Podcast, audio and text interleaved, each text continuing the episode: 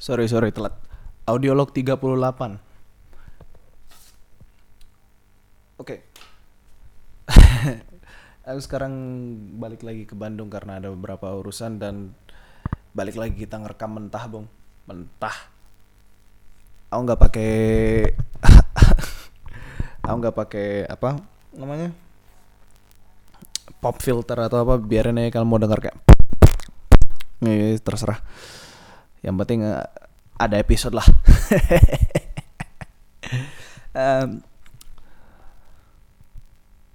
aku sekarang sering mikir kayak aku kepikiran masalah tentang jadwalku untuk masalah rekaman podcast ini karena aku kalau nggak ngupload kayak nggak konsisten gitu kan. Kayak kadang-kadang ada dua minggu nggak ngupload ada seminggu nggak ngupload ya wajar nggak ada yang deng apa belum ada yang kon apa konsisten dengerin juga tapi eh ya udahlah. Em, jadi aku mulai mikir kayak kira-kira gimana ya? Ku buat jadwal kah? Kayak buat jadwal untuk upload biar uh, konstan uploadnya atau apa segala macem? Atau eh pokoknya biar anu biar apa? Biar konsisten lah kelihatannya muncul di Spotify atau enggak kan? Ah, nah kalau misalnya kayak gitu agak gimana ya? Aku orangnya aku orangnya prosedural tapi kocaknya mood-moodan parah jadi kayak kalau misalnya nggak mood cerita ya nggak mood cerita bingung mau bilang bikin apa episode. Kayak kayak lagi hide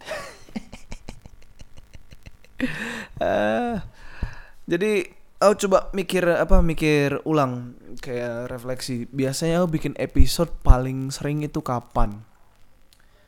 Aku pernah waktu itu janji sebelumnya kayak mau bikin episode setiap Sabtu lah mungkin. Karena nggak ada tugas kan di tengah itu tapi berakhirnya kayak di tengah setiap kali aku bikin Sabtu kayak ah prokrastinasi santai dulu ya mau nonton kartun aja sambil nikmatin hari sampai sore mau jadi. Eh akhirnya molor.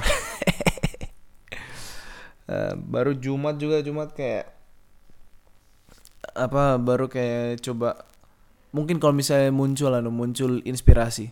Tapi kalau muncul inspirasi kayak inspirasi dari mana leh Eh, akhir-akhir ini di tengah covid aku mulai kayak refleksi lagi. Ini bakal kalian banyak dengerin kalimat refleksi.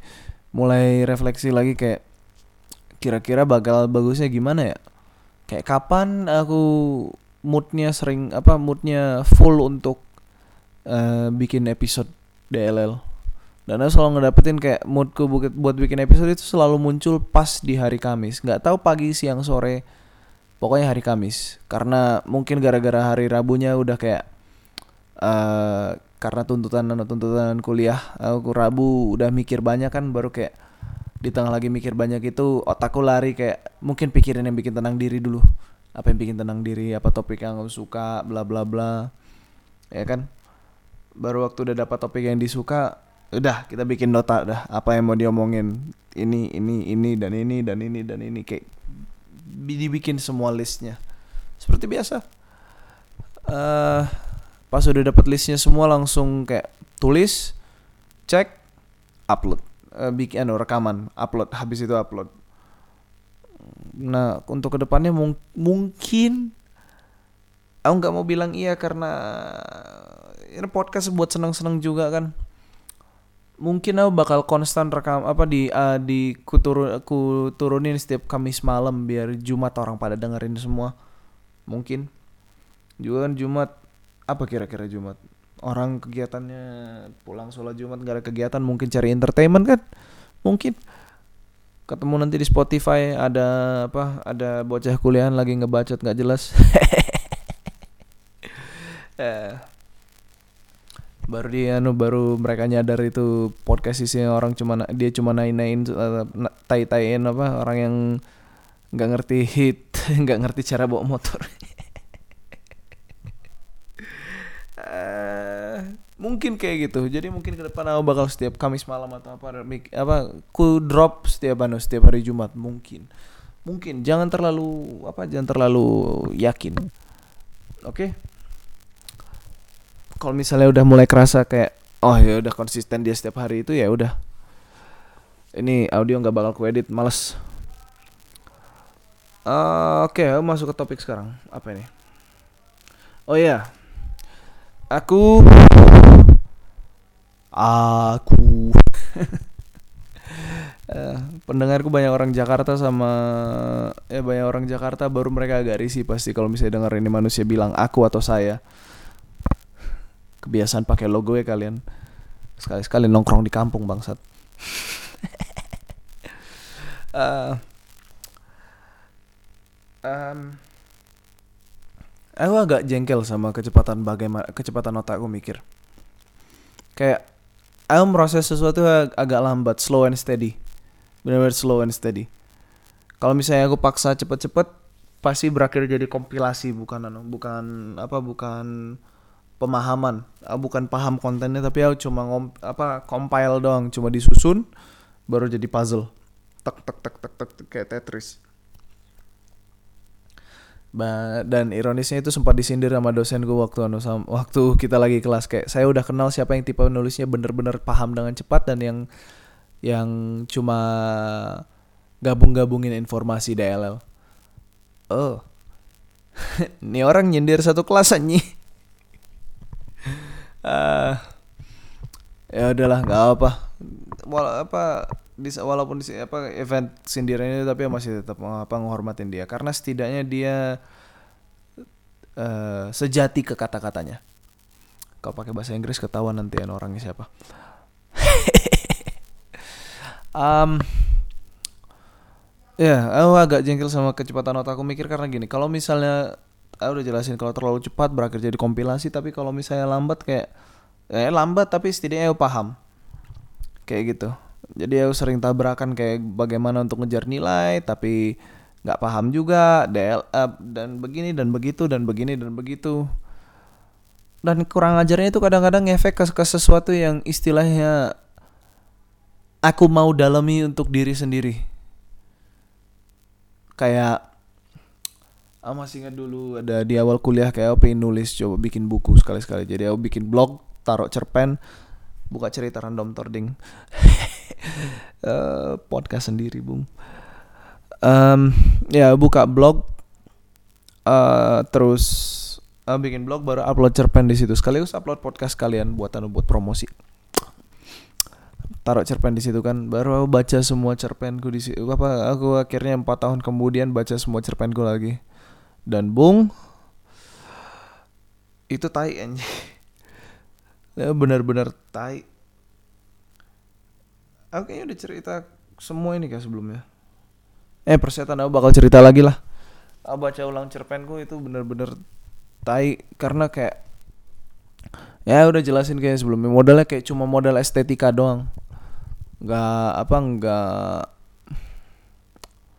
apa sih namanya nggak ada konten nggak ada substansinya nol. Cuma modal kata-kata indah untuk ngejelasin satu kalimat doang. Untuk ngejelasin itu. Pas aku taruh di word bar, word langsung nulis kayak garis apa ngasih garis hijau kayak udah malas dia mau ngoreksi. Ditulis. Ini ini tulisan terlalu banyak gramat gramatikal gramatikal error anjing malas gua. Ya yeah, gitu. Dan akhirnya empat tahun kemudian aku mulai baca-baca lagi referen ala apa referensiku untuk nulis. Kayak baca novel lalu baca um, apa ya? Aku baca-baca light novel lalu baca-baca novel sama light novel lah. Um, ya sekaligus aku baca juga dari anu dari apa dari beberapa apa uh, forum kayak ada writer forum gitu atau pokoknya kolom forum bukan kaskus kaskus ter, bukan kaskus internasional pokoknya kayak forum penulis baru ada forum uh, ada Reddit juga sih tapi gara-gara Indonesia Reddit di blok kasem kurang kerjaan. Ya tahu Reddit ada kolom NS, NFSW tapi kayak pinter-pinter dikit lah. Kayak nggak semua Reddit itu nggak semua konten Reddit itu apa BF semua orang Reddit banyak yang kocak sama ada update tentang dunia juga di situ. Bahkan lebih bagus daripada jurnalistik di sini anjing. Ya. Ba tapi uh, aku lari. Uh, ya bu baca-baca di situ kan aku waktu baca di situ kayak dikasih sedikit definisi terdekat bag- untuk bedain apa novel sama light novel. Dan apa ya? Dijelas sederhananya gini. Kalau mereka ngejelasin ya seder apa aku lupa ya kemarin dia ngejelasin kayak mana. Yang ku ingat seperti ini sederhananya. Kalau novel itu kayak kau ngejelas apa kayak itu full cerita dari awal sampai akhir itu untuk novel. Kalau light novel itu karena di update-nya per bab, jadi perkembangannya kayak komik. Jadi setiap bab tuh nggak tahu arahnya ke mana, tapi uh, kontennya itu bites doang. Jadi ya, nggak begitu anu nggak begitu mendalami kayak novel kan. Nah, itu dari deskripsi itu. Baru aku coba dalamin deskripsinya karena itu mungkin pemahaman sederhana, dari orang perbedaan itu. Akhirnya aku kembali lagi ke apa cara karena dari situ pun aku nggak dapat banyak dan dari buku bahasa Indonesia juga nggak dapat banyak akhirnya aku coba baca aja no apa baca aja dulu dua no dua sastra yang aku pegang. Aku punya bukunya digital aku beli di Google Play. Ya itu jam apa itu satu-satunya buku yang aku beli secara legal. Um, aku beli ada buku di Google Play judulnya uh, 20,000 Leagues Under the Sea. 20 liga di bawah laut baru mau baca light novel uh, ah udah cerita kayak baca light novel Konosuba sama Rezero gara-gara nggak tahu light novel lain yang kayak kayak gimana. Sama ada juga novel Jepang yang ditranslate ke Inggris uh, Black Bullet. Nah aku baca aku benar-benar baca baca total kayak tapi bacanya bukan baca cari ceritanya lebih mengarah baca breakdown atau breakdown penulisannya. Dan ini yang ku dapat secara pribadi. Untuk light novel, seperti yang dibilang itu karena bites, karena mudah dicerna kan. Light novel itu berusaha apa ya cenderung deskri sifatnya cenderung deskriptif. Dan dia mendeskripsikannya itu per apa sih per kasarnya per image lah kayak dia ngasih pengen satu bab satu paragraf itu pengen ngasih tunjuk ke kalian kayak satu image dan satu image itu aja baru kalian interpretasi image-nya kayak mana. Uh, kayak contoh, aku coba bikin contoh kalimat dulu. Um, ini lama-lama jadi referensi bahasa Indonesia aja. uh, um,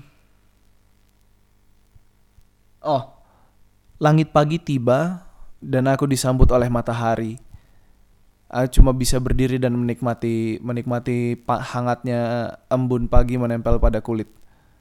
Nah, di situ itu aku cuma ngasih tunjuk image doang. Kayak kalian bisa ngeliat kan image-nya kayak mana? Kayak matahari naik. Baru dia berdiri di depan mataharinya. Tergantung kalian mau lihat kayak mana matahari apa mau ngeliat kayak eh, kalian bisa interpretasi image-nya kayak mana misalnya kayak mukanya tiul lebih terang baru di belakangnya ada bayangan gede habis itu ada lembab dikit atau matahari di depannya dia berdiri di tengah jalan habis itu ada hiasan di pinggirnya terserah apa terserah imajinasi kalian. Tapi itu kan itu bait banget kayak satu paragraf cuma ngejelasin satu image.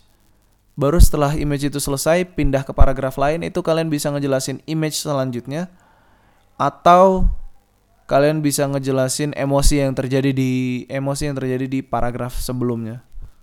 Kayak gitu. Itu di light novel yang aku pahamin kayak gitu. Nah, untuk novel aku baca 20,000 Leagues, aku baca punya Terelia. Ah itu dia. Aku cuma baca dua bukunya Terelia sih. Dan ironisnya yang nulis bukunya tetanggaku, Cuk. Eh, ya kalian bakal ngasih tahu kalian alamatku di mana anjing kalau di Bandung. Fuck you. Uh, apa? Iya, kalau misalnya baca novel itu yang aku baca itu bukan aku bukan dikasih image, aku dikasih uh, experience, pengalaman pengalaman dari konten novel itu sendiri mau itu dari perspektif orang ketiga orang pertama Tapi yang tertulis dalam novel itu lebih cenderung ke pengalaman karakter yang dibuat ditulis di dalam novel itu. Kayak hmm, di apa ya? Jadi kasarnya gini dah. Kalau light novel itu kayak kom, apa komik yang ditulis jadi kayak orang mau bikin komik tapi mal tapi nggak bisa ngegambar akhirnya dia ngedeskripsi, ngedeskripsiin gambarnya. Novel cenderung kayak film, lebih cenderung kayak film, tapi eh, lebih series sih, apa TV series dan aku bakal nyambung ke sana nanti bentar lagi. Kayak seri televisi tapi ya seri televisi yang ngejelasin kayak pengalaman orang ini bagaimana apa aja yang udah dihadapi dia bangun tidur baru ngapain habis itu lanjut ngapain habis itu lanjut ngapain. Baru waktu ganti event ganti apa ya sub event lah kayak misalnya dia di kamar aku siap-siap ini ini ini ini. Baru dia mau ganti baju tapi ada sesuatu yang terjadi waktu dia mau ganti baju. Nah itu udah pengalaman lain. Baru setelah dia ganti baju dia harus turun ke apa dia harus turun keluar ke bawah untuk ke resepsionis itu pengalaman lain. Dia ke resepsionis disambut sama orang resepsionisnya baru menatap ke ruangan ruangannya kayak gini kayak gini. Padahal apa padahal dia ya pokoknya kayak gitulah. Sorry ada background noise ini apa uh, ada sepupuku lagi asik main game masih main ML di bawah. Bukan making love Mobile Legend. Masih bocah anjing. Uh, ya kayak gitu itu kayak oke okay, akhirnya aku paham dan yang aku jengkelnya adalah aku baru paham empat tahun kemudian setelah aku pengen nyoba nulis anjang ini jengkelnya aku kayak dengan apa proses uh, apa brain processing gua asem kayak Bung, seharusnya kamu udah tahu ini dari kelas 3 SD. Sem kamu berhasil bikin cerita di kelas 3 SD, juara 3. Ya masih SD sih, masih bocah, tapi lumayan lah. Masih bocah udah dapat juara 3 sastra kan. Eh, kalah sama ada ahli puisi di apa di ahli puisi cewek di kelas 3 tapi ya udahlah. Masa lalu adalah masa lalu. Uh, tapi gitulah kayak Bung harusnya udah paham ini dari dulu untuk masalah cerita. Apa yang terjadi di tengah jalan? Apa yang ya benar apa yang terjadi di tengah jalan? Coba di kepala gue nih. Ah, benar-benar nggak ngerti. Mungkin sejak ini apa? Ah, ya, tabrak enggak nggak tau lah mungkin gara-gara pubertas kali atau ketemu yang disebut namanya band musik uh, garang apa jadi jarang apa jarang jarang uh, apa sih namanya sebutannya? Uh, mencemplungkan diri ke sastra untuk baca buku gitu. Walaupun bapak dulu sering saranin kayak coba baca Kopingho Oke. Okay. masih ingat bapak dulu punya koleksi Kopingho banyak banget dan ukurannya A6. Kopingho itu light novel yang Buset. Ya, baru nyadar. Uh, Iya, yeah, di di print di ukuran A6 model kertas doang, gambarnya kayak gambar Chinese gitu. Ya Kopingho light novel anjing. Eh light novel, oh, baru nyadar. Light novel atau ah nggak tahu lah. Pokoknya dia per buku itu per cerita. Tapi satu cerita nggak nggak nggak beda bab. Huh. nanti aku tanya bapak udah. Coba nanti aku tanya-tanya kayak itu Coping House sebenarnya light novel atau gimana? Tapi ya bapak aku bilang kayak itu cerita Cina. Ya cerita Cina cerita Cina cuma nanya format. Mungkin aku yang terlalu pretentious tapi ya udah terserah. Uh, gitu. Nah pas saya udah paham ini kayak kenapa baru paham sekarang leh? Ah kalau kayak gitu kan udah nulis cerita dari dulu anjing. Nggak nggak nggak nggak nulis cerita sembarangan. Nggak model estetika tulisan doang. Ah uh, bicara soal estetika tulisan kan aku dulu pernah kayak rencana rencana masih SMA sebelum kenyataan di SMA sebelum negara api menyerang. Sebelum negara api menyerang. Ya aku sebut angkatan di SMA uh, eh, aku rencana mau coba bikin novel horor tapi nggak bisa karena aku sendiri mulai lupa konsep tulisan itu seperti apa. Dan yang aku dapat kayak novel it apa sekarang waktu aku udah paham kayak novel itu experience. Jadi beda dengan apa dengan light novel yang mewakili gambar kalau apa setiap paragraf itu mewakili gambar in the moment per moment ya per moment. Jadi kayak ada cuplikan-cuplikan momen-momen yang kita dapat doang. Sisanya harus imajinasi. Uh, kalau novel cenderung kayak per paragraf itu mewakili ya per, parag per paragrafnya loh bukan satu satu bukunya itu pengalaman seseorang tapi per paragrafnya itu ada per paragrafnya itu menjelaskan pengalaman juga tapi sub dari pengalaman sub subreddit. Uh, sub dari pengalaman itu jadi kayak uh, ya tadi udah jelasin lah sub subnya gimana. Uh, bowling for sub pengalamannya gitu kan. Nah waktu ngelihat tulisan-tulisanku yang lama kayak bung ini nggak ada pengalaman ini nggak ada apa ini aku cuma asal nulis asal lempar aja yang penting kelihatan kelihatan flamboyan. Aku pas kasih draftku ke ada kawanku yang SMA yang chalky white aku ngasih lihat kedua ke dia dalam versi Inggris kayak cuk gramarmu sampah anjing. Ah ah ya udah gramarnya sampah anjing. Eh, tapi fakta ya fakta. Dulu agak keras kepala eh, bukan agak udah dari dulu sampai sekarang masih keras kepala sem. Tapi setidaknya sekarang masih bisa ngaku kalau salah lah. Uh, ya. Yeah. gara-gara keras kepala dulu kayak nggak terima kritik apa segala macam um, baru ya sekarang mudah paham. Mungkin karena udah a better person show off dikit. Udah ngaku better person baru ter, eh, baru sombong tengah jalan. Sia-sia. Ah. Um, tadi tadi sampai mana? Oh iya mungkin karena udah better person baru aku ngeliat kayak ah, nyoba nulis aku taruh di IG baru dibilang tulisanku sampah sama pacar sendiri. Ya udah baru nyoba nulis bikin draft lagi modal nyolong dari cerita mimpi kawan.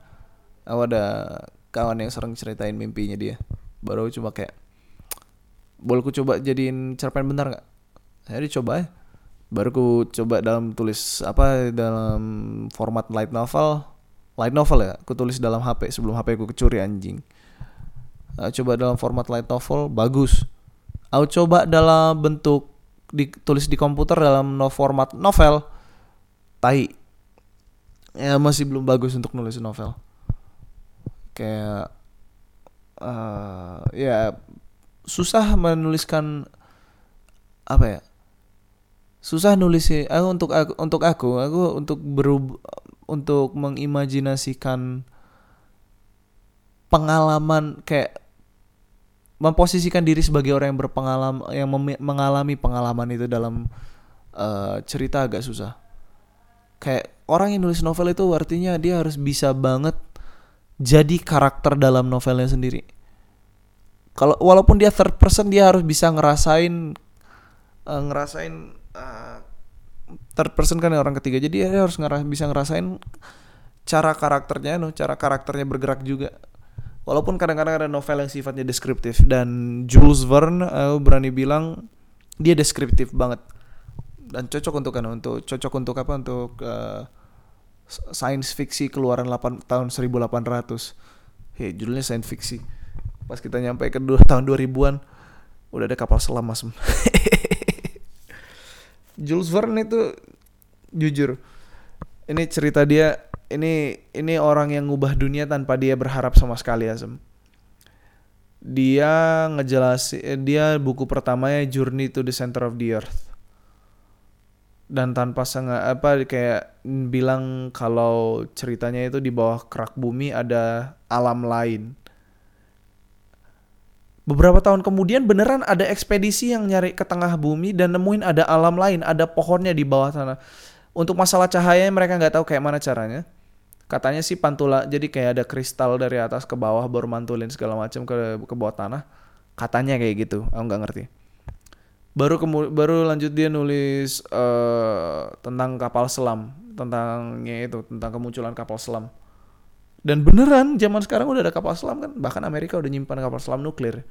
Yang bertenaga nuklir dan siap nembak nuklir. Konspirasi teori. Ah kayak gitu. Dia yang penulis buku yang tanpa sengaja mempengaruhi apa perkembangan di dunia baru terakhir dia nulis tentang from the earth to the moon dari dari bumi ke dari bumi ke bulan. Ini orang Perancis loh yang nulis. Dari bumi ke bulan baru akhirnya roket dibuat dan ada ekspedisi bulan. Berapa kali dah? Dua kali kah? Kayaknya dua kali. Eh uh, ah kayak gitulah aku off topic lagi anjing. Hmm, coba mikirin. Ya pengalaman. Nah dari buku-buku itu kayak di dia deskriptif tapi dia walaupun deskriptif dia bisa dia ngalamin karakternya. Dia jadi karakternya untuk nulis. Kerasa di situ. Stylenya ya kayak gitulah. Nah kalau untuk light novel deskriptif iya tapi uh, deskripsi deskriptifnya bukan deskripsi pengalaman sih deskripsinya lebih cenderung deskripsi image makanya dibilang light karena orang bisa kayak pas imajinasi nyambung bagaimana ceritanya terjadi baru dia langsung oh seru juga nih arah ceritanya kayak gitu. Itu yang aku paham. Aku senang literatur bung komik sastra puisi apa segala macam aku senang. Aku senang semua seni. Cuma kadang-kadang seni itu masuk uh, cuma itu aja yang jengkelnya kayak aku untuk masuk ke sebuah seni itu lambatnya minta ampun. Aku berpikir dalam apa kayak apakah ada masalah ada pengaruh dari cara berpikir kah atau gimana? Aku nggak ngerti. Karena kayak aku masuk ke aku kalau misalnya ke arts and craft apa kayak seni dalam konteks arts and craft itu bisa langsung terjun aja kayak eksperimen aja arts and craftnya gimana kayak satu contoh aku bikin eh, kalian kalau misalnya ngecek di IG ku kan aku ada upload kayak aku bikin apa itu bikin uh, kapal dari you know, kapal dari uh, kapal selam sama kapal layar tanpa layar dari you know, dari kotak serial. Nah itu kan hitungannya arts and craft karena tinggal bentuk. Nah dari perspektifku kayak aku ngurutin apa aja urutan dimensinya yang harus ku buat kayak langsung aja gambarnya udah lihat. Bikin daftar bagaimana untuk mencapai gambar itu di dalam bentuk tiga dimensi. Boom jadi taruh di lapangan. Itu arts and craft. Aku langsung otomatis dapat kalau arts and craft. Ngejahit celana bikin boneka pun eh, mau, mau sombong dikit kelas apa sombong dikit masa kelas 6 kelas 6 mau bikin boneka dari modal kain flanel kaos kaki sama ya cuma kain flanel sama kaos kaki sama lem sama kalau nggak salah ini uh, spons untuk cuci piring. Uh, agak sulit bung nyari anu nyari kapas kosmetik di anu di di kota kecil gue ya kan? Nah modal itu aja cincang-cincang dikit apa macam jahit jahit jahit. Langsung jadi langsung dapat. Bahkan aku dapat nilai terbaik waktu kelas 6 sombong dikit. Hmm. sorry sendawa. Bung aku punya metabolisme orang 40-an anjing. Udah ada acid reflux. Uh, tadi sampai mana? Uh, oh ya yeah. arts and craft aku bisa langsung terjun kayak gitu aja. Nulis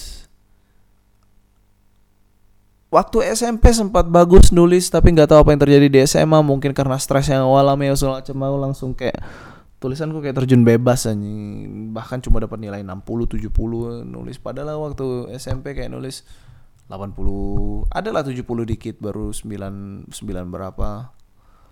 Eh oh, bung Asia banget. Asem patokannya pakai anu patokannya pakai nilai eh tapi di samping itu kayak aku baca tulisan-tulisanku yang lama pun aku suka kayak nggak risih bacanya. Cuma apa yang nggak tahu apa yang terjadi di tengah SMA aku risih ngeliat tulisanku waktu di situ. Aku aku punya aku punya ada kayak notebook uh, yang aku pakai untuk waktu rencananya mau bi coba bikin buku di situ kan. Nulis gara-gara nggak boleh bawa novel ke sana waktu zaman anu zaman uh, orientasi. Mos ya udah nggak boleh. Ya udah terserah lah. Akhirnya coba apa coba nulis sendiri dan itu sampah bung. Aku ngaku tulisan itu sampah. Sesampah-sampahnya kayak dikencingin pun masih kalau dikencingin pun bau tulisannya lebih kuat daripada bau kencingku sendiri. Ah ya gitulah ah tapi akhirnya aku udah mulai no aku udah mulai dapat apa yang aku mau tulis apa cara aku bukan cara. Aku mulai dapat nulis yang apa tulisan yang lebih nyaman bagaimana. Kayak gitu. Itu untuk di sastra ya. Di musik ini yang bikin aku kesel banget. Aku baru nyad aku aku udah apa aku kenal eh, Daivan udah udah apa udah reguler di sini aku ngomong sebut aja nama dia uh, apa aku udah sering ngobrol apa udah sering ngobrol dari kelas awal SMA sampai anu, sampai awal nah, pertengahan pertengahan di semester 2 kelas 1 SMA sampai sekarang nanya ke Daivan tentang bos ajarin aku cara bikin solo sendiri dan skala. Nah, dia bilang kayak kalau nyari skala itu menyesuaikan kunci. Nah, aku waktu itu mahamnya gini. Kalau dia bilang kunci, aku bilang kunci yang versi Indonesia. Karena di Indonesia, kunci dalam konteks kunci utama musik dan kunci dalam konteks chord itu bahasanya sama. Dari kunci C. C. A minor ke D. Eh, kayak gitu kan. Lupa. Nah, aku gak mau lanjutin lagunya, nanti kena copyright. itu band masih ada gak sih kuburan? Nantilah aku cari di Spotify. Eh cari sekarang aja tunggu bentar. Uh, enter Shikari mulu mau dengerin Electro Core Lemot Ah uh, ASMR untuk kalian nungguin aku nemuin lagunya atau enggak? Uh,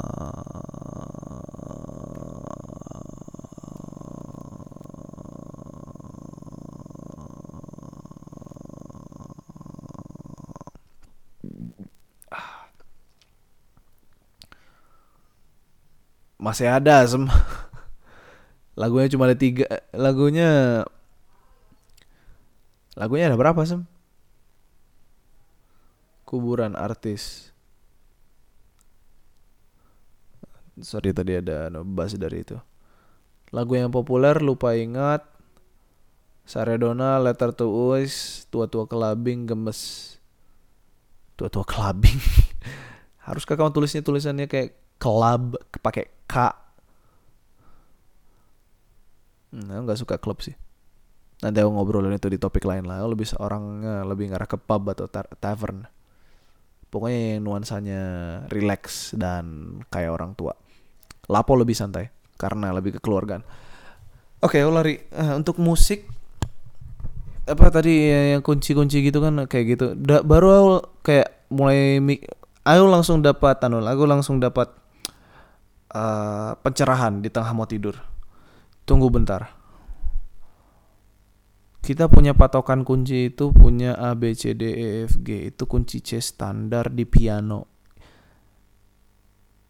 Aku apa di piano. Itu yang diajarin ke aku waktu aku masih les piano. Ada kunci C, baru waktu kunci G kita geser kita geser apa kita geser nadanya ke G. Dan modenya Ionian masih. Tapi Ionian gak diajarin kita gesernya ke G tapi G-nya baru dijelasin sama guru piano aku kalau G itu kalau kita ganti ke kunci G G itu sama dengan do. Jadi udah ada template utama yaitu do re mi fa sol la si do. Dan do re mi fa sol la si do itu uh, punya tahap penuh-penuh uh, kayak kan di keyboard piano itu kan ada anu pada putih hitam putih hitam. Nah putih apa kalau putih ke, kalau misalnya nggak ada hitam di tengah artinya naiknya setengah nada DLL. Abis itu langsung teriak ke diri sendiri Paksa Langsung chat apa langsung chat Daven kayak Eh bos Jadi kalau misalnya kunci C itu maksudnya gini ya Kan udah ada aturan do re mi fa sol la si do Baru kunci C itu ngisi do re mi fa sol la si do nya Dan yang boleh kita pencet waktu lagi ada kunci C itu do re mi fa sol la si do aja. Nah itu! Kok lu baru paham? Malah marahin diri sendiri. Kenapa tujuh tahun baru ngerti? Ah, jadi ya baru ngerti gini. Mode itu nentuin urutan dari do re mi fa sol la si do nya kunci itu maksudnya kunci itu maksudnya patokan di mana node-node apa note not not notnya itu boleh dipencet. Do re mi. A b c d e f g. E ya. C C D E F G A B. Itu doang yang boleh dipencet kalau dikunci C. Jadi nggak boleh ke B crash nggak boleh ke A crash nggak boleh ke ke F. Ada ke F crash? Eh ya ada F crash kayak gitu. Jadi baru kalau misalnya untuk masalah ke chord gimana? Chord itu menyesuaikan dengan apa tergantung cara kau nulis lagu. Kalau misalnya kau dari apa dari kunci apa kalau misalnya patokannya dari chord ah, bakal bilang chord selanjutnya lah bodo amat dibilang pretentious. Chord itu chord kunci adalah kunci. Biar nggak ribet asem. Kalau misalnya patokannya dari chord ya kalau misalnya bikin musik dari chord tergantung chordnya gimana nanti. Tapi eh, tergantung chordnya gimana. Karena setiap kunci setiap kunci punya uh, punya set chord yang diboleh diizinkan dipakai. Yang nggak di yang nggak boleh dipakai ya nggak boleh dipakai. Beneran kayak akuntansi asem. Ada tabel-tabel untuk diisi. Kayak kunci C Ionian. Mode Ionian kunci C. Kamu cuma bisa pakai C G E minor A minor D minor sama B diminish B diminish itu kayak B minor tapi agak lari dikit. Lari dikit bukan il apa bukan ada yang kurang. B7 baru ada yang kurang. Eh, kayak gitu. Tujuh tahun eh, tujuh ah udah les piano dari modal modal bocah baru untuk apa baru paham tentang tentang apa tentang kunci dan skala DLL baru paham tujuh tahun kemudian pas dari SMA apa gak kesel langsung ah eh, oke gitulah un sas sastra aku telat, musik aku telat, apalagi yang nanti telat asem. Oh, tapi untuk sementara kayak sastra uh, aku harus postpone dulu gara-gara skripsi. Ah, untuk apa nulis skri, apa nulis ya udah cerita tentang nulis akademik sama nulis apa nulis uh, itu nulis cerita agak beda. Ah, kesetrum masem. Ah, oh ini gara-gara apa? Baterai gue bocor jadi harus langsung pakai listrik. Nah kesetrum. Ya udahlah setidaknya ada sesuatu yang lucu yang bisa kalian dengerin.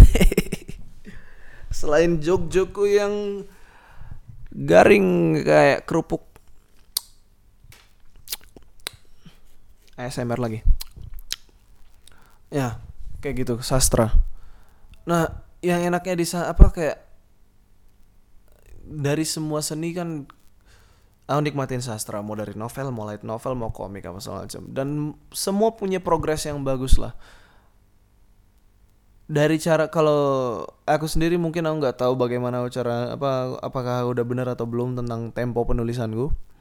Progresif apa progresinya gimana progresi kayak per per per aspek dari cerita kayak gitu kan cuma aku cuma agak jengkel kayak gimana ya bilangnya kayak setidaknya progresnya itu kerasa banget ceritanya matang. Dan itu yang paling penting kalau misalnya kamu mau bikin cerita mau bikin novel apa macam. Bahkan mau bikin film pun ceritanya harus matang apa harus matang banget. Nah yang penasaran di Indonesia ini ya mereka kalau bikin film walaupun budget bagus kayak udah nonton Habibi dan Ainun baru gara-gara sepupu pengen nonton pengen nonton romance katanya. Aku udah nonton filmnya Soekarno dan jujur bu- bukan ah nggak mau bilang itu apa itu filmnya bagus jujur. Apa itu filmnya bagus. Cuma selalu tunggu kalimat cuma dari aku. Cuma bukan aspek cerita yang mau kulihat kayak kalian berendamnya ke aspek personal orangnya sem achievementnya lah coba sekali-sekali you know, cari cerita achievementnya pencapaiannya dia sebagai presiden gimana aspek politiknya. Memang sulit tapi itu yang pengen aku lihat aslinya. Karena judulnya cuma Soekarno loh. Aku berharap kayak eh, politiknya apa kayak politik dia kelihatan. Kayak kalau yang Habibie dan Ainun udah keli- kelihatan banget kayak oh ini cerita romans asem. Terima nggak terima cerita romans. Udah udah apa dari judul udah kelihatan kayak dua orang. Tapi yang kocaknya itu film aspek politiknya yang lebih ditekan Ah. Nggak ditekan sih tapi ada lah. Ada dan didalami dikit. Tapi ada. Nah kenapa kalau di film bisa kenapa di sitcom atau sinetron kayak kayak males nulis apa kayak malas mereka dulu kayak ya kayak malas nulis ceritanya Asem. Ini mungkin gara-gara mereka apa orang-orang penulis cerita ini selalu nulis di warteg kali ya. Kayak di tengah lagi makan baru asal tulis aja yang penting ada yang keluar dari kepala. Mungkin. Ini sebenarnya itu agak nyindir ke anu ke kejadian aku waktu itu nggak sengaja ngintip. Eh, hati-hati kalau aku lewat emang. Ngintip ya ngintip aku lagi jalan pulang dari kuliah, ada orang lagi makan habis itu kayak ngetik. Na, eh, formatnya format naskah film. Baru ya gitu apa kayak oke naskah film. Tapi yakinkah kamu nulis di dalam kondisi kayak gitu asem? Di tengah lagi buru-buru ngabisin makan apa segala macam kayak karena gimana ya ada orang yang pengen ganti suasana buat nulis dan kadang-kadang kalau orang yang ganti suasana buat nulis adalah dia bakal ngambil momen sendiri. Momen sendiri maksudnya kayak tutup mungkin tutup mata tarik nafas dalam-dalam walaupun lagi ngunyah makanan atau lagi ngunyah cemilan ngunyah permen atau apa nggak ngerti lah atau sambil minum kopi.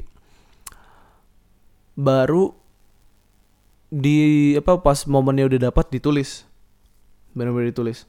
Nah ini kayak ngalir aja. Kalau ngalir mungkin dia jenius ah nggak tahu. Tapi mungkin ngalir karena itu aja yang kepikiran dalam waktu dekat nggak tahu karena aku kemarin kan adikku adikku nonton sinetron SCTV ya semua kecewa aku. Adikku nonton eh, sinetron apa SCTV dan waktu ngeliat sinetronnya kayak ah. Ya cuma itu yang bisa gue bilang ah. Aku ngeliat sinetronnya kayak gue bisa gue pikir kayaknya temponya tai asam ini acara. Temponya tai. Aku nggak bisa bilang apa apa lagi.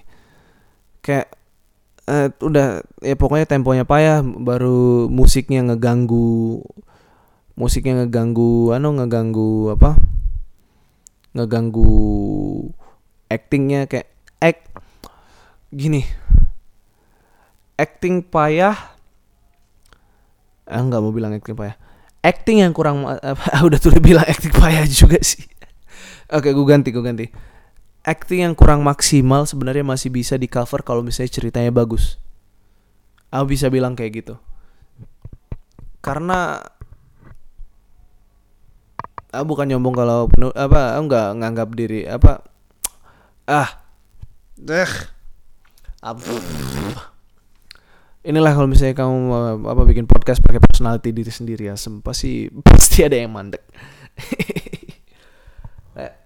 tadi yang mau bilang apa? Ya aku bukan mau bilang diri sendiri sebagai penulis profesional tapi setidaknya aku punya pemahaman yang cukup apa aku punya sensitivitas yang cukup dalam hal cerita. Karena aku sering dikomen sama temenku kayak bung ceritamu kecepatan.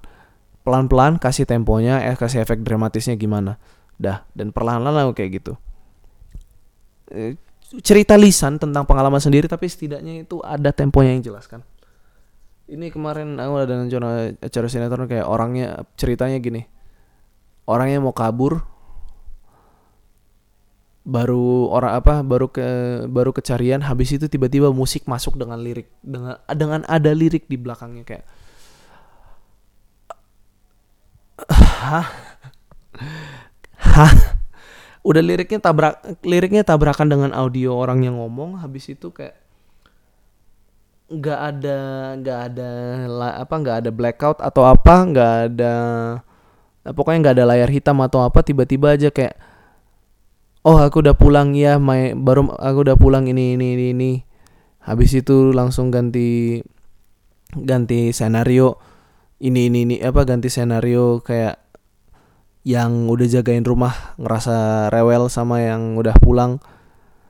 Habis itu yang udah pulang main anu main HP habis itu ngerasa kayak kayaknya gue harus pergi lagi dah.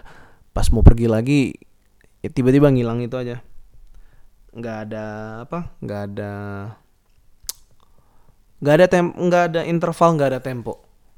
Tuh.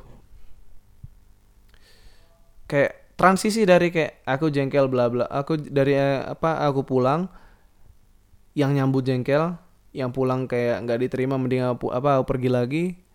Akhirnya eh, apa kayak transisinya nggak transisinya kayak ah oh, just ah oh ya Lord have mercy. Gitu.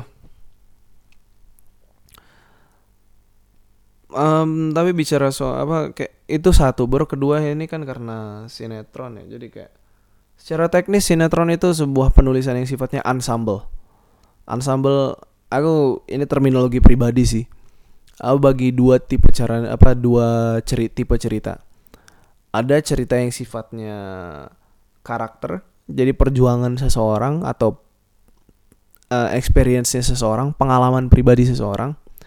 Sama ada ensemble yang di mana yang kau bilang di mana sih? Yang karakternya itu punya kepribadian masing-masing tapi harus berinteraksi satu sama lain. Uh, kira ada yang lewat tadi. Uh, paling kucing.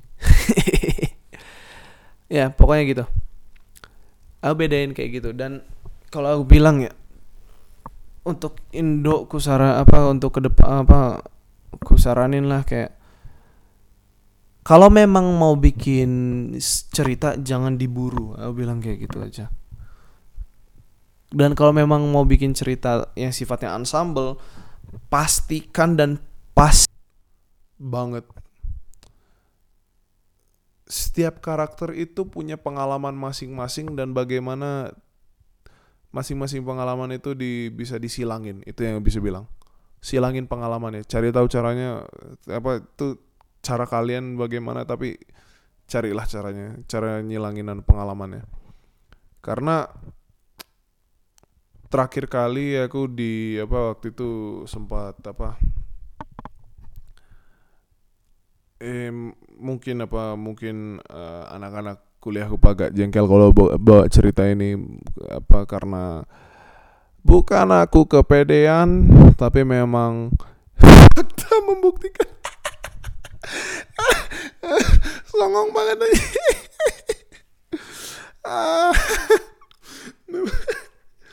uh, uh, maaf maaf hmm, maaf uh, Nah, jadi waktu itu kan uh, kita diinisiasi visi pada harus gelar seni ya. Nah, pas gelar seni eh mikir kejauhan asem. Oh, kok halo halo. Halo, tes. Nah, kan ada gelar seni kan waktu anu waktu apa uh, masih zaman mahasiswa baru lah. Ada gelar seni gitu. Yang dia pokoknya penutup gelar seninya harusnya um, apa sih namanya drama pentas seni pentas gitu kan nah eh di gelar seni itu kita kebingungan bikin cerita tentang apa baru kita dikasih tema tentang eh pekerjaan. Tema kita tentang pekerjaan. Nah aku mikir kayak aku waktu itu ini aku ngide doang ya cuma plot point doang. Aku aku nggak aku belum ngerti cara nulis nas aku nggak ngerti cara nulis naskah. Aku cuma bikin plot point. Waktu bikin plot point kayak kenapa kita nggak uh, apa eksploitasi aja kon, apa kondisi kita sekarang? Aku bilang kayak gitu. Kita lagi kebingungan bikin cerita apa cerita tentang uh, apa kita lagi kebingungan bikin naskah. Kenapa nggak kita bikin kayak gitu aja? Ada orang yang sedang kebingungan bikin naskah. Endingnya dark. Cuma ya gitulah. Endingnya apa endingnya dark. Cuma kita kebingungan bikin naskah. Nah di situ aku jelasin kayak kita fok aku cuma ini dari perspektifku sendiri ya. Aku cum ini aku nggak ingat kalimat yang aku bilang. Pokoknya ini aku bilang kayak ini dari perspektif pribadi gue kayak biar karakternya mateng aku pengen nulis apa kalau misalnya cerita ini mau bagus aku, kita harus punya karakter yang bener-bener mateng. Nah, bagaimana kita bikin karakter matang ini?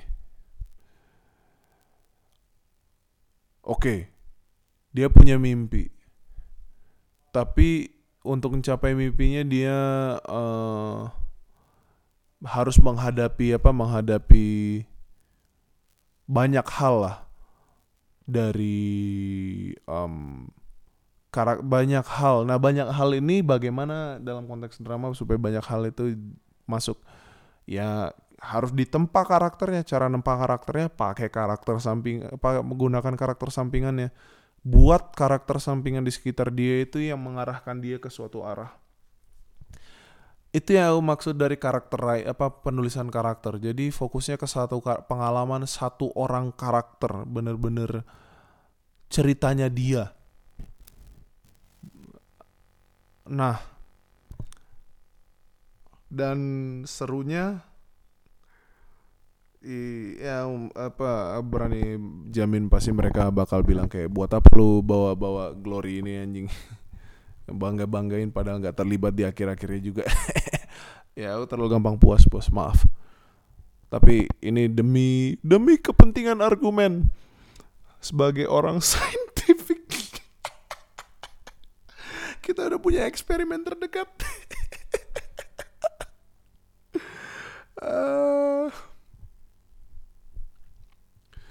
uh, ya ketawa gue kayak turbolek asem.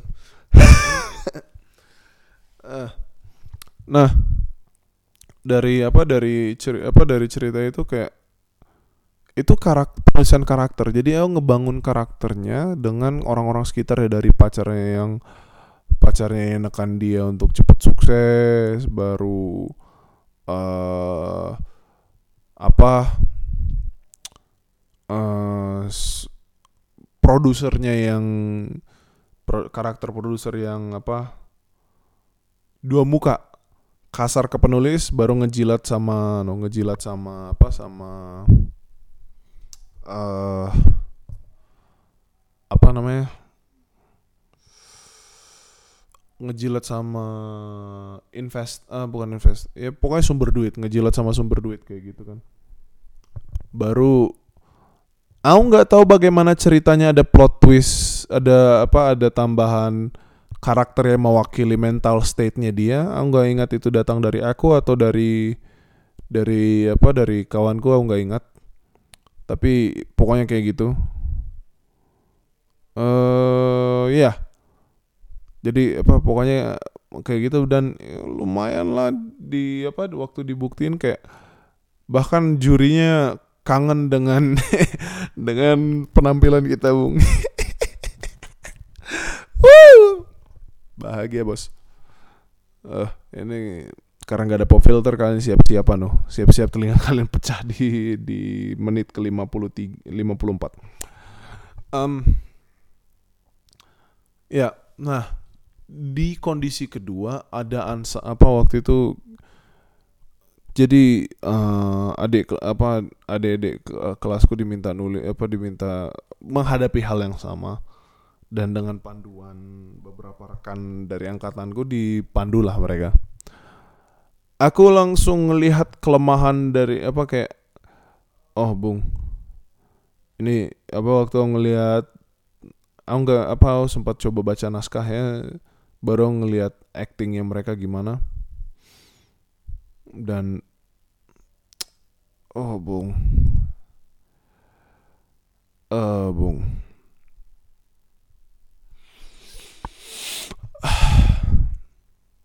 Oh bung. bagaimana ngejelasinnya kayak yang aku lihat di cerita ini tuh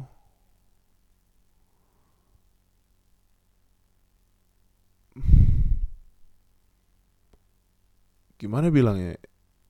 Mereka cerita secara teknis mereka bakal menulis sebuah ensemble apa uh, skrip yang sifatnya cerita ensemble. Jadi harus ada harmoni terhadap pengalaman masing-masing karakter. Benar? Kayak karakter satu punya sifat seperti ini karakter dua harus punya sifat seperti ini dan karakter tiga punya sifat seperti ini dan mereka punya pengalaman masing-masing tapi secara nggak langsung mereka tiba-tiba berinteraksi dari ceritanya. Di samping kecap apa di samping nas apa uh, menitnya kepanjangan tapi itu yang paling utama. Nah waktu ngelihat it ngelihat apa latihan mereka dan itu dan uh, naskahnya kayak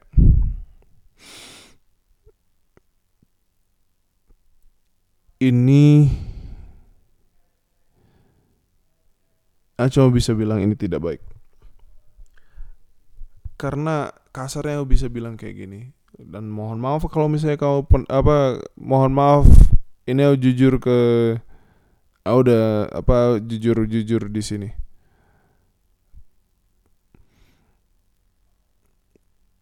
Upaya apa kau upaya sih?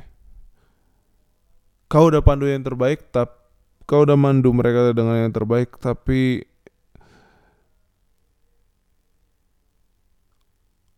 apa yang mau bilang? Bahasa yang benar. Ya aku hormatin upaya apa panduan kalian terhadap untuk mereka. Cuma kalau ada kesempatan untuk menulis ulang cerita ini lagi aku, berani, uh, aku harap kayak gini dalamin masing-masing karakter yang kalian anu dalamin kalau misalnya ini cerita kalian yang kalian tulis itu untuk apa untuk uh, yang pentas pentas tahun 2018 itu berikan masing-masing karakter pengalaman mereka masing-masing. Karena waktu ngelihat apa waktu ngelihat hasil pentasnya kayak Bung Au cuma ngelihat muka yang berbeda tapi karakternya sama semua. Nggak ada cerita di sini kecuali repetisi kecuali repetisi anu repetisi apa repetisi dari orang yang sama. Itu aja yang aku lihat. Mungkin aku nggak tahu, mungkin mereka mau terjun ke yang sifatnya surrealis, surre, eh, surrealis kayak gitu, mungkin tapi aku nggak ngerti. Uh, jadi ya kayak gitu. Karena temanya kayak temanya nar, tema yang dikasih ke itu kan nar, narsisme. Baru mereka ambil cerita ke, tentang kerajaan kayak narsisme kerajaan. Apa yang kalau aku waktu mikir sendiri ya narsisme kerajaan. Kira-kira apa yang bagus narsisme dan kerajaan konsep narsis adalah orang merasa kayak semua apa kayak semua perhatian ada pada dia itu satu dan ada dan. Kalau dia adalah apa kalau dia adalah walaupun apa kayak uh, ya apa adikku lagi ribut ngopi apa ngopi rap di bawah asem. Eh dah um, tadi mau bilang gimana hmm, oh ya kalau cerita kerajaan itu kan kayak narsisme dan narsisme itu kayak dia adalah pusat perhatian.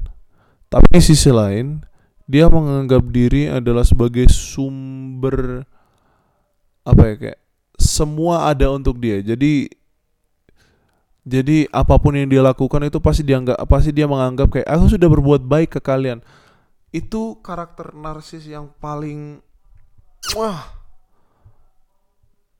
Satu apa kayak itu itu karakter orang narsis kayak nggak hanya nggak hanya dia merasa seperti pusat dunia dia beranggap kayak semua yang dilakukan itu udah untuk kebaikan orang di sekitarnya. Padahal enggak dan jujur aku udah pernah nemuin orang seperti itu pas SMA dan ironisnya ya nggak nggak harus sebut profilnya lah. Kayak jujur aku udah nemuin aku berpengalaman hidup sama orang kayak gitu leh sempat satu asrama anjing. Oh gitulah. Ah udah ya, ya kayak gitu. Kalau misalnya mau ngarah kayak gitu kan kayak pilih salah satu karakter pilih salah satu karakter yang seperti itu dan buat interaksi antar karakter masyarakat dengan maksa apa dengan karakter itunya ber, apa pokoknya harus ada interaksi antar pengalaman. Bagaimana masyarakat berpengalaman dan bagaimana karakter narsis itu tabrakan dengan apa yang dialami sama masyarakat. Ah kayak gitu. Kalau misalnya bisa ditulis ulang itu bakal lebih baik asem.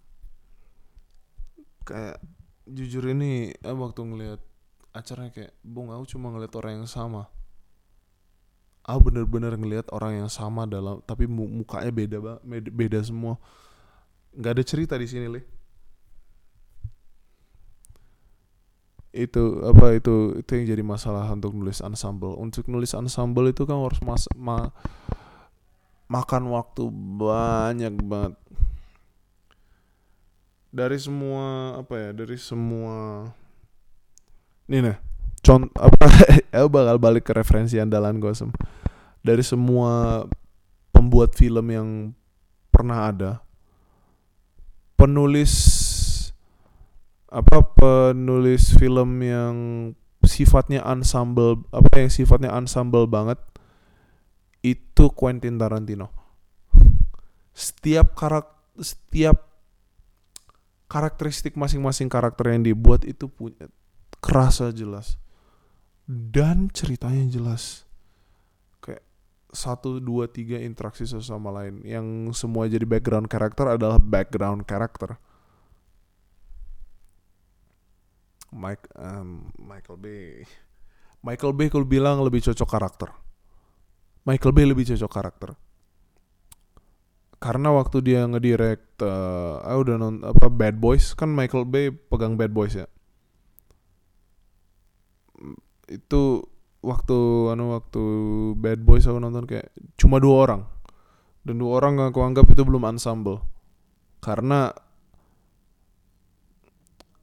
pengalamannya sama cuma reaksi apa kayak cuma interpretasi terhadap pengalamannya berbeda. Yang satu pingin apa masih pingin eh, bad boys baru yang satu kayak I have a family. Uh, kayak gitu. Nah itu kan pengalamannya sama cuma interpretasi terhadap pengalaman beda dan arah perpecahan pengalamannya beda dikit. Dikit. Di situ karakternya dikembangin banget. Nah, itu penulisan karakter yang bagus. Waktu yang apa kalau yang ensemble apalagi yang bagus ensemble. Ah, enggak. Wes Anderson juga bagus untuk di karakter eh enggak coba inget ya cara uh, filmnya fantastik uh, eh, ASMR session. Uh, oh Wes Anderson ensemble. Wes Anderson ensemble. Aku ngomong dalam konteks ensemble itu kayak uh, kayak orkestra kan orkestra masing-masing instrumen harus bersinkron ada harus harmoni dengan yang lain kan mungkin mereka ada di kunci yang beda kunci yang sama tapi terikat gitu loh kayak apa ya terikat kayak gula dan alkohol dalam wine. Makanya enak. Itu yang apa yang aku maksud. Itu yang aku maksud di apa kayak untuk in untuk sinetron kayak kalau untuk Indonesia kayak coba. Kalau misalnya mau bikin cerita bener-bener kayak dalemin lah uh, kalian mau ke arah mana ke karakter fokus ke karakter atau fokus ke ensemble atau ke ya ensemblenya? Jangan asal lempar karakter ke dalam. Asal lempar karakter ke dalam kayak ah mendok ini acara temponya udah. Uh. baru saranin juga kayak jangan putar musik kalau misalnya ada acting. Dah itu aja. Karena musik yang dipakai bukan instrumental kayak kalau misalnya mau nyelipin musik ke dalam orangnya harus interaksi dengan musiknya. Terima nggak terima? Musik yang ada lirik ya? Tapi kalau misalnya nggak ada li- apa kalau misalnya musiknya nggak ada apa kayak cuma instrumental doang oke lah. Sesuai apa taruh aja sesuai dengan moodnya. Ah, bukan nyuruh ini cuma saran aja. Karena bung aku nggak ngerti apa yang harus ku nikmati setiap kali aku nonton sinetron SCTV ya sem padahal SCTV dulu bagus. Kayak musik andalannya cuma satu note doang yang sing. Baru nanti ada teror langsung jeng. Itu doang. Aku masih ingat waktu kalau nggak salah kelas berapa ya waktu masih zaman cinta Lora di anu cinta Lora di di SCTV udah lama banget lah. Nggak tahu. Itu ah ini bakal ada background musik asem di belakang. Ya udahlah biarin. Um, gara-gara apa? Ya pokoknya kayak gitu kayak nggak ada nyelipin musik-musik yang gak jelas. Justru musik-musik yang ada liriknya ditaruh waktu satu scene mau selesai atau udah mau deket ending baru kalau misalnya kalau musik musik yang berlirik diputar kayak karakternya dibuat diam mood. Nah itu kan kan kayak gitu nggak tabrakan kita nggak bingung apa yang harus dinikmati asem. Itu SCTV yang lama bagus yang sekarang kayak oi. Kayak orang bikin roti ya kayak bikin orang orang bikin roti isi tapi gini dah bayangin kalau orang bikin ano sandwich baru bungkus kejunya lupa dibuka dagingnya lupa dimasak sama mayonesnya sekalian kalengnya ditaruh di bawah nah itu rasanya kayak gitu nonton SCTV sekarang Ah. ya udahlah setidaknya kayak gitu yang gue apa yang mau gue ceritain kayak film Indonesia di luar apa di luar tema yang eh, enggak apa di luar tema yang aku agak bukan bukan arah aku apa istilahnya kayak temanya bukan tujuanku tapi ya udahlah. Kalau misalnya ah, dia mau dibawa lagi muter lagi Gucci geng asem. Ah tadi aku mau bilang apa? Oh ya kayak aku nggak masalah sama film Indonesia kayak filmnya aku jujur bagus. Aku nggak ada nggak ada aku nggak mau bilang itu hebat tapi itu cukup bagus. Aku bisa nikmatin cuma bukan go to gara-gara romance. Dan romance Indonesia agak risih aku ngeliatnya. Ah, walaupun aku malah cenderung baca komik seneng baca romance sama shoujo manga. Ah, ironi. Tapi aku nggak begitu suka romance movies. Nggak tahu kenapa terlalu terang kali. Kenapa kamu dengerin Gucci Gang bos. Ah ya aku nggak begitu suka dengan sama sama untuk apa untuk tapi kalau untuk sinetron kayak naikinlah kualitasnya ke level film. Kalau sinetron bisa naik ke level film kan baru nanti film naik ke level internasional. Nanti kayak Parasite yang tiba-tiba muncul di Oscars mungkin. Siapa tahu. Ya udah Eh, audio logo over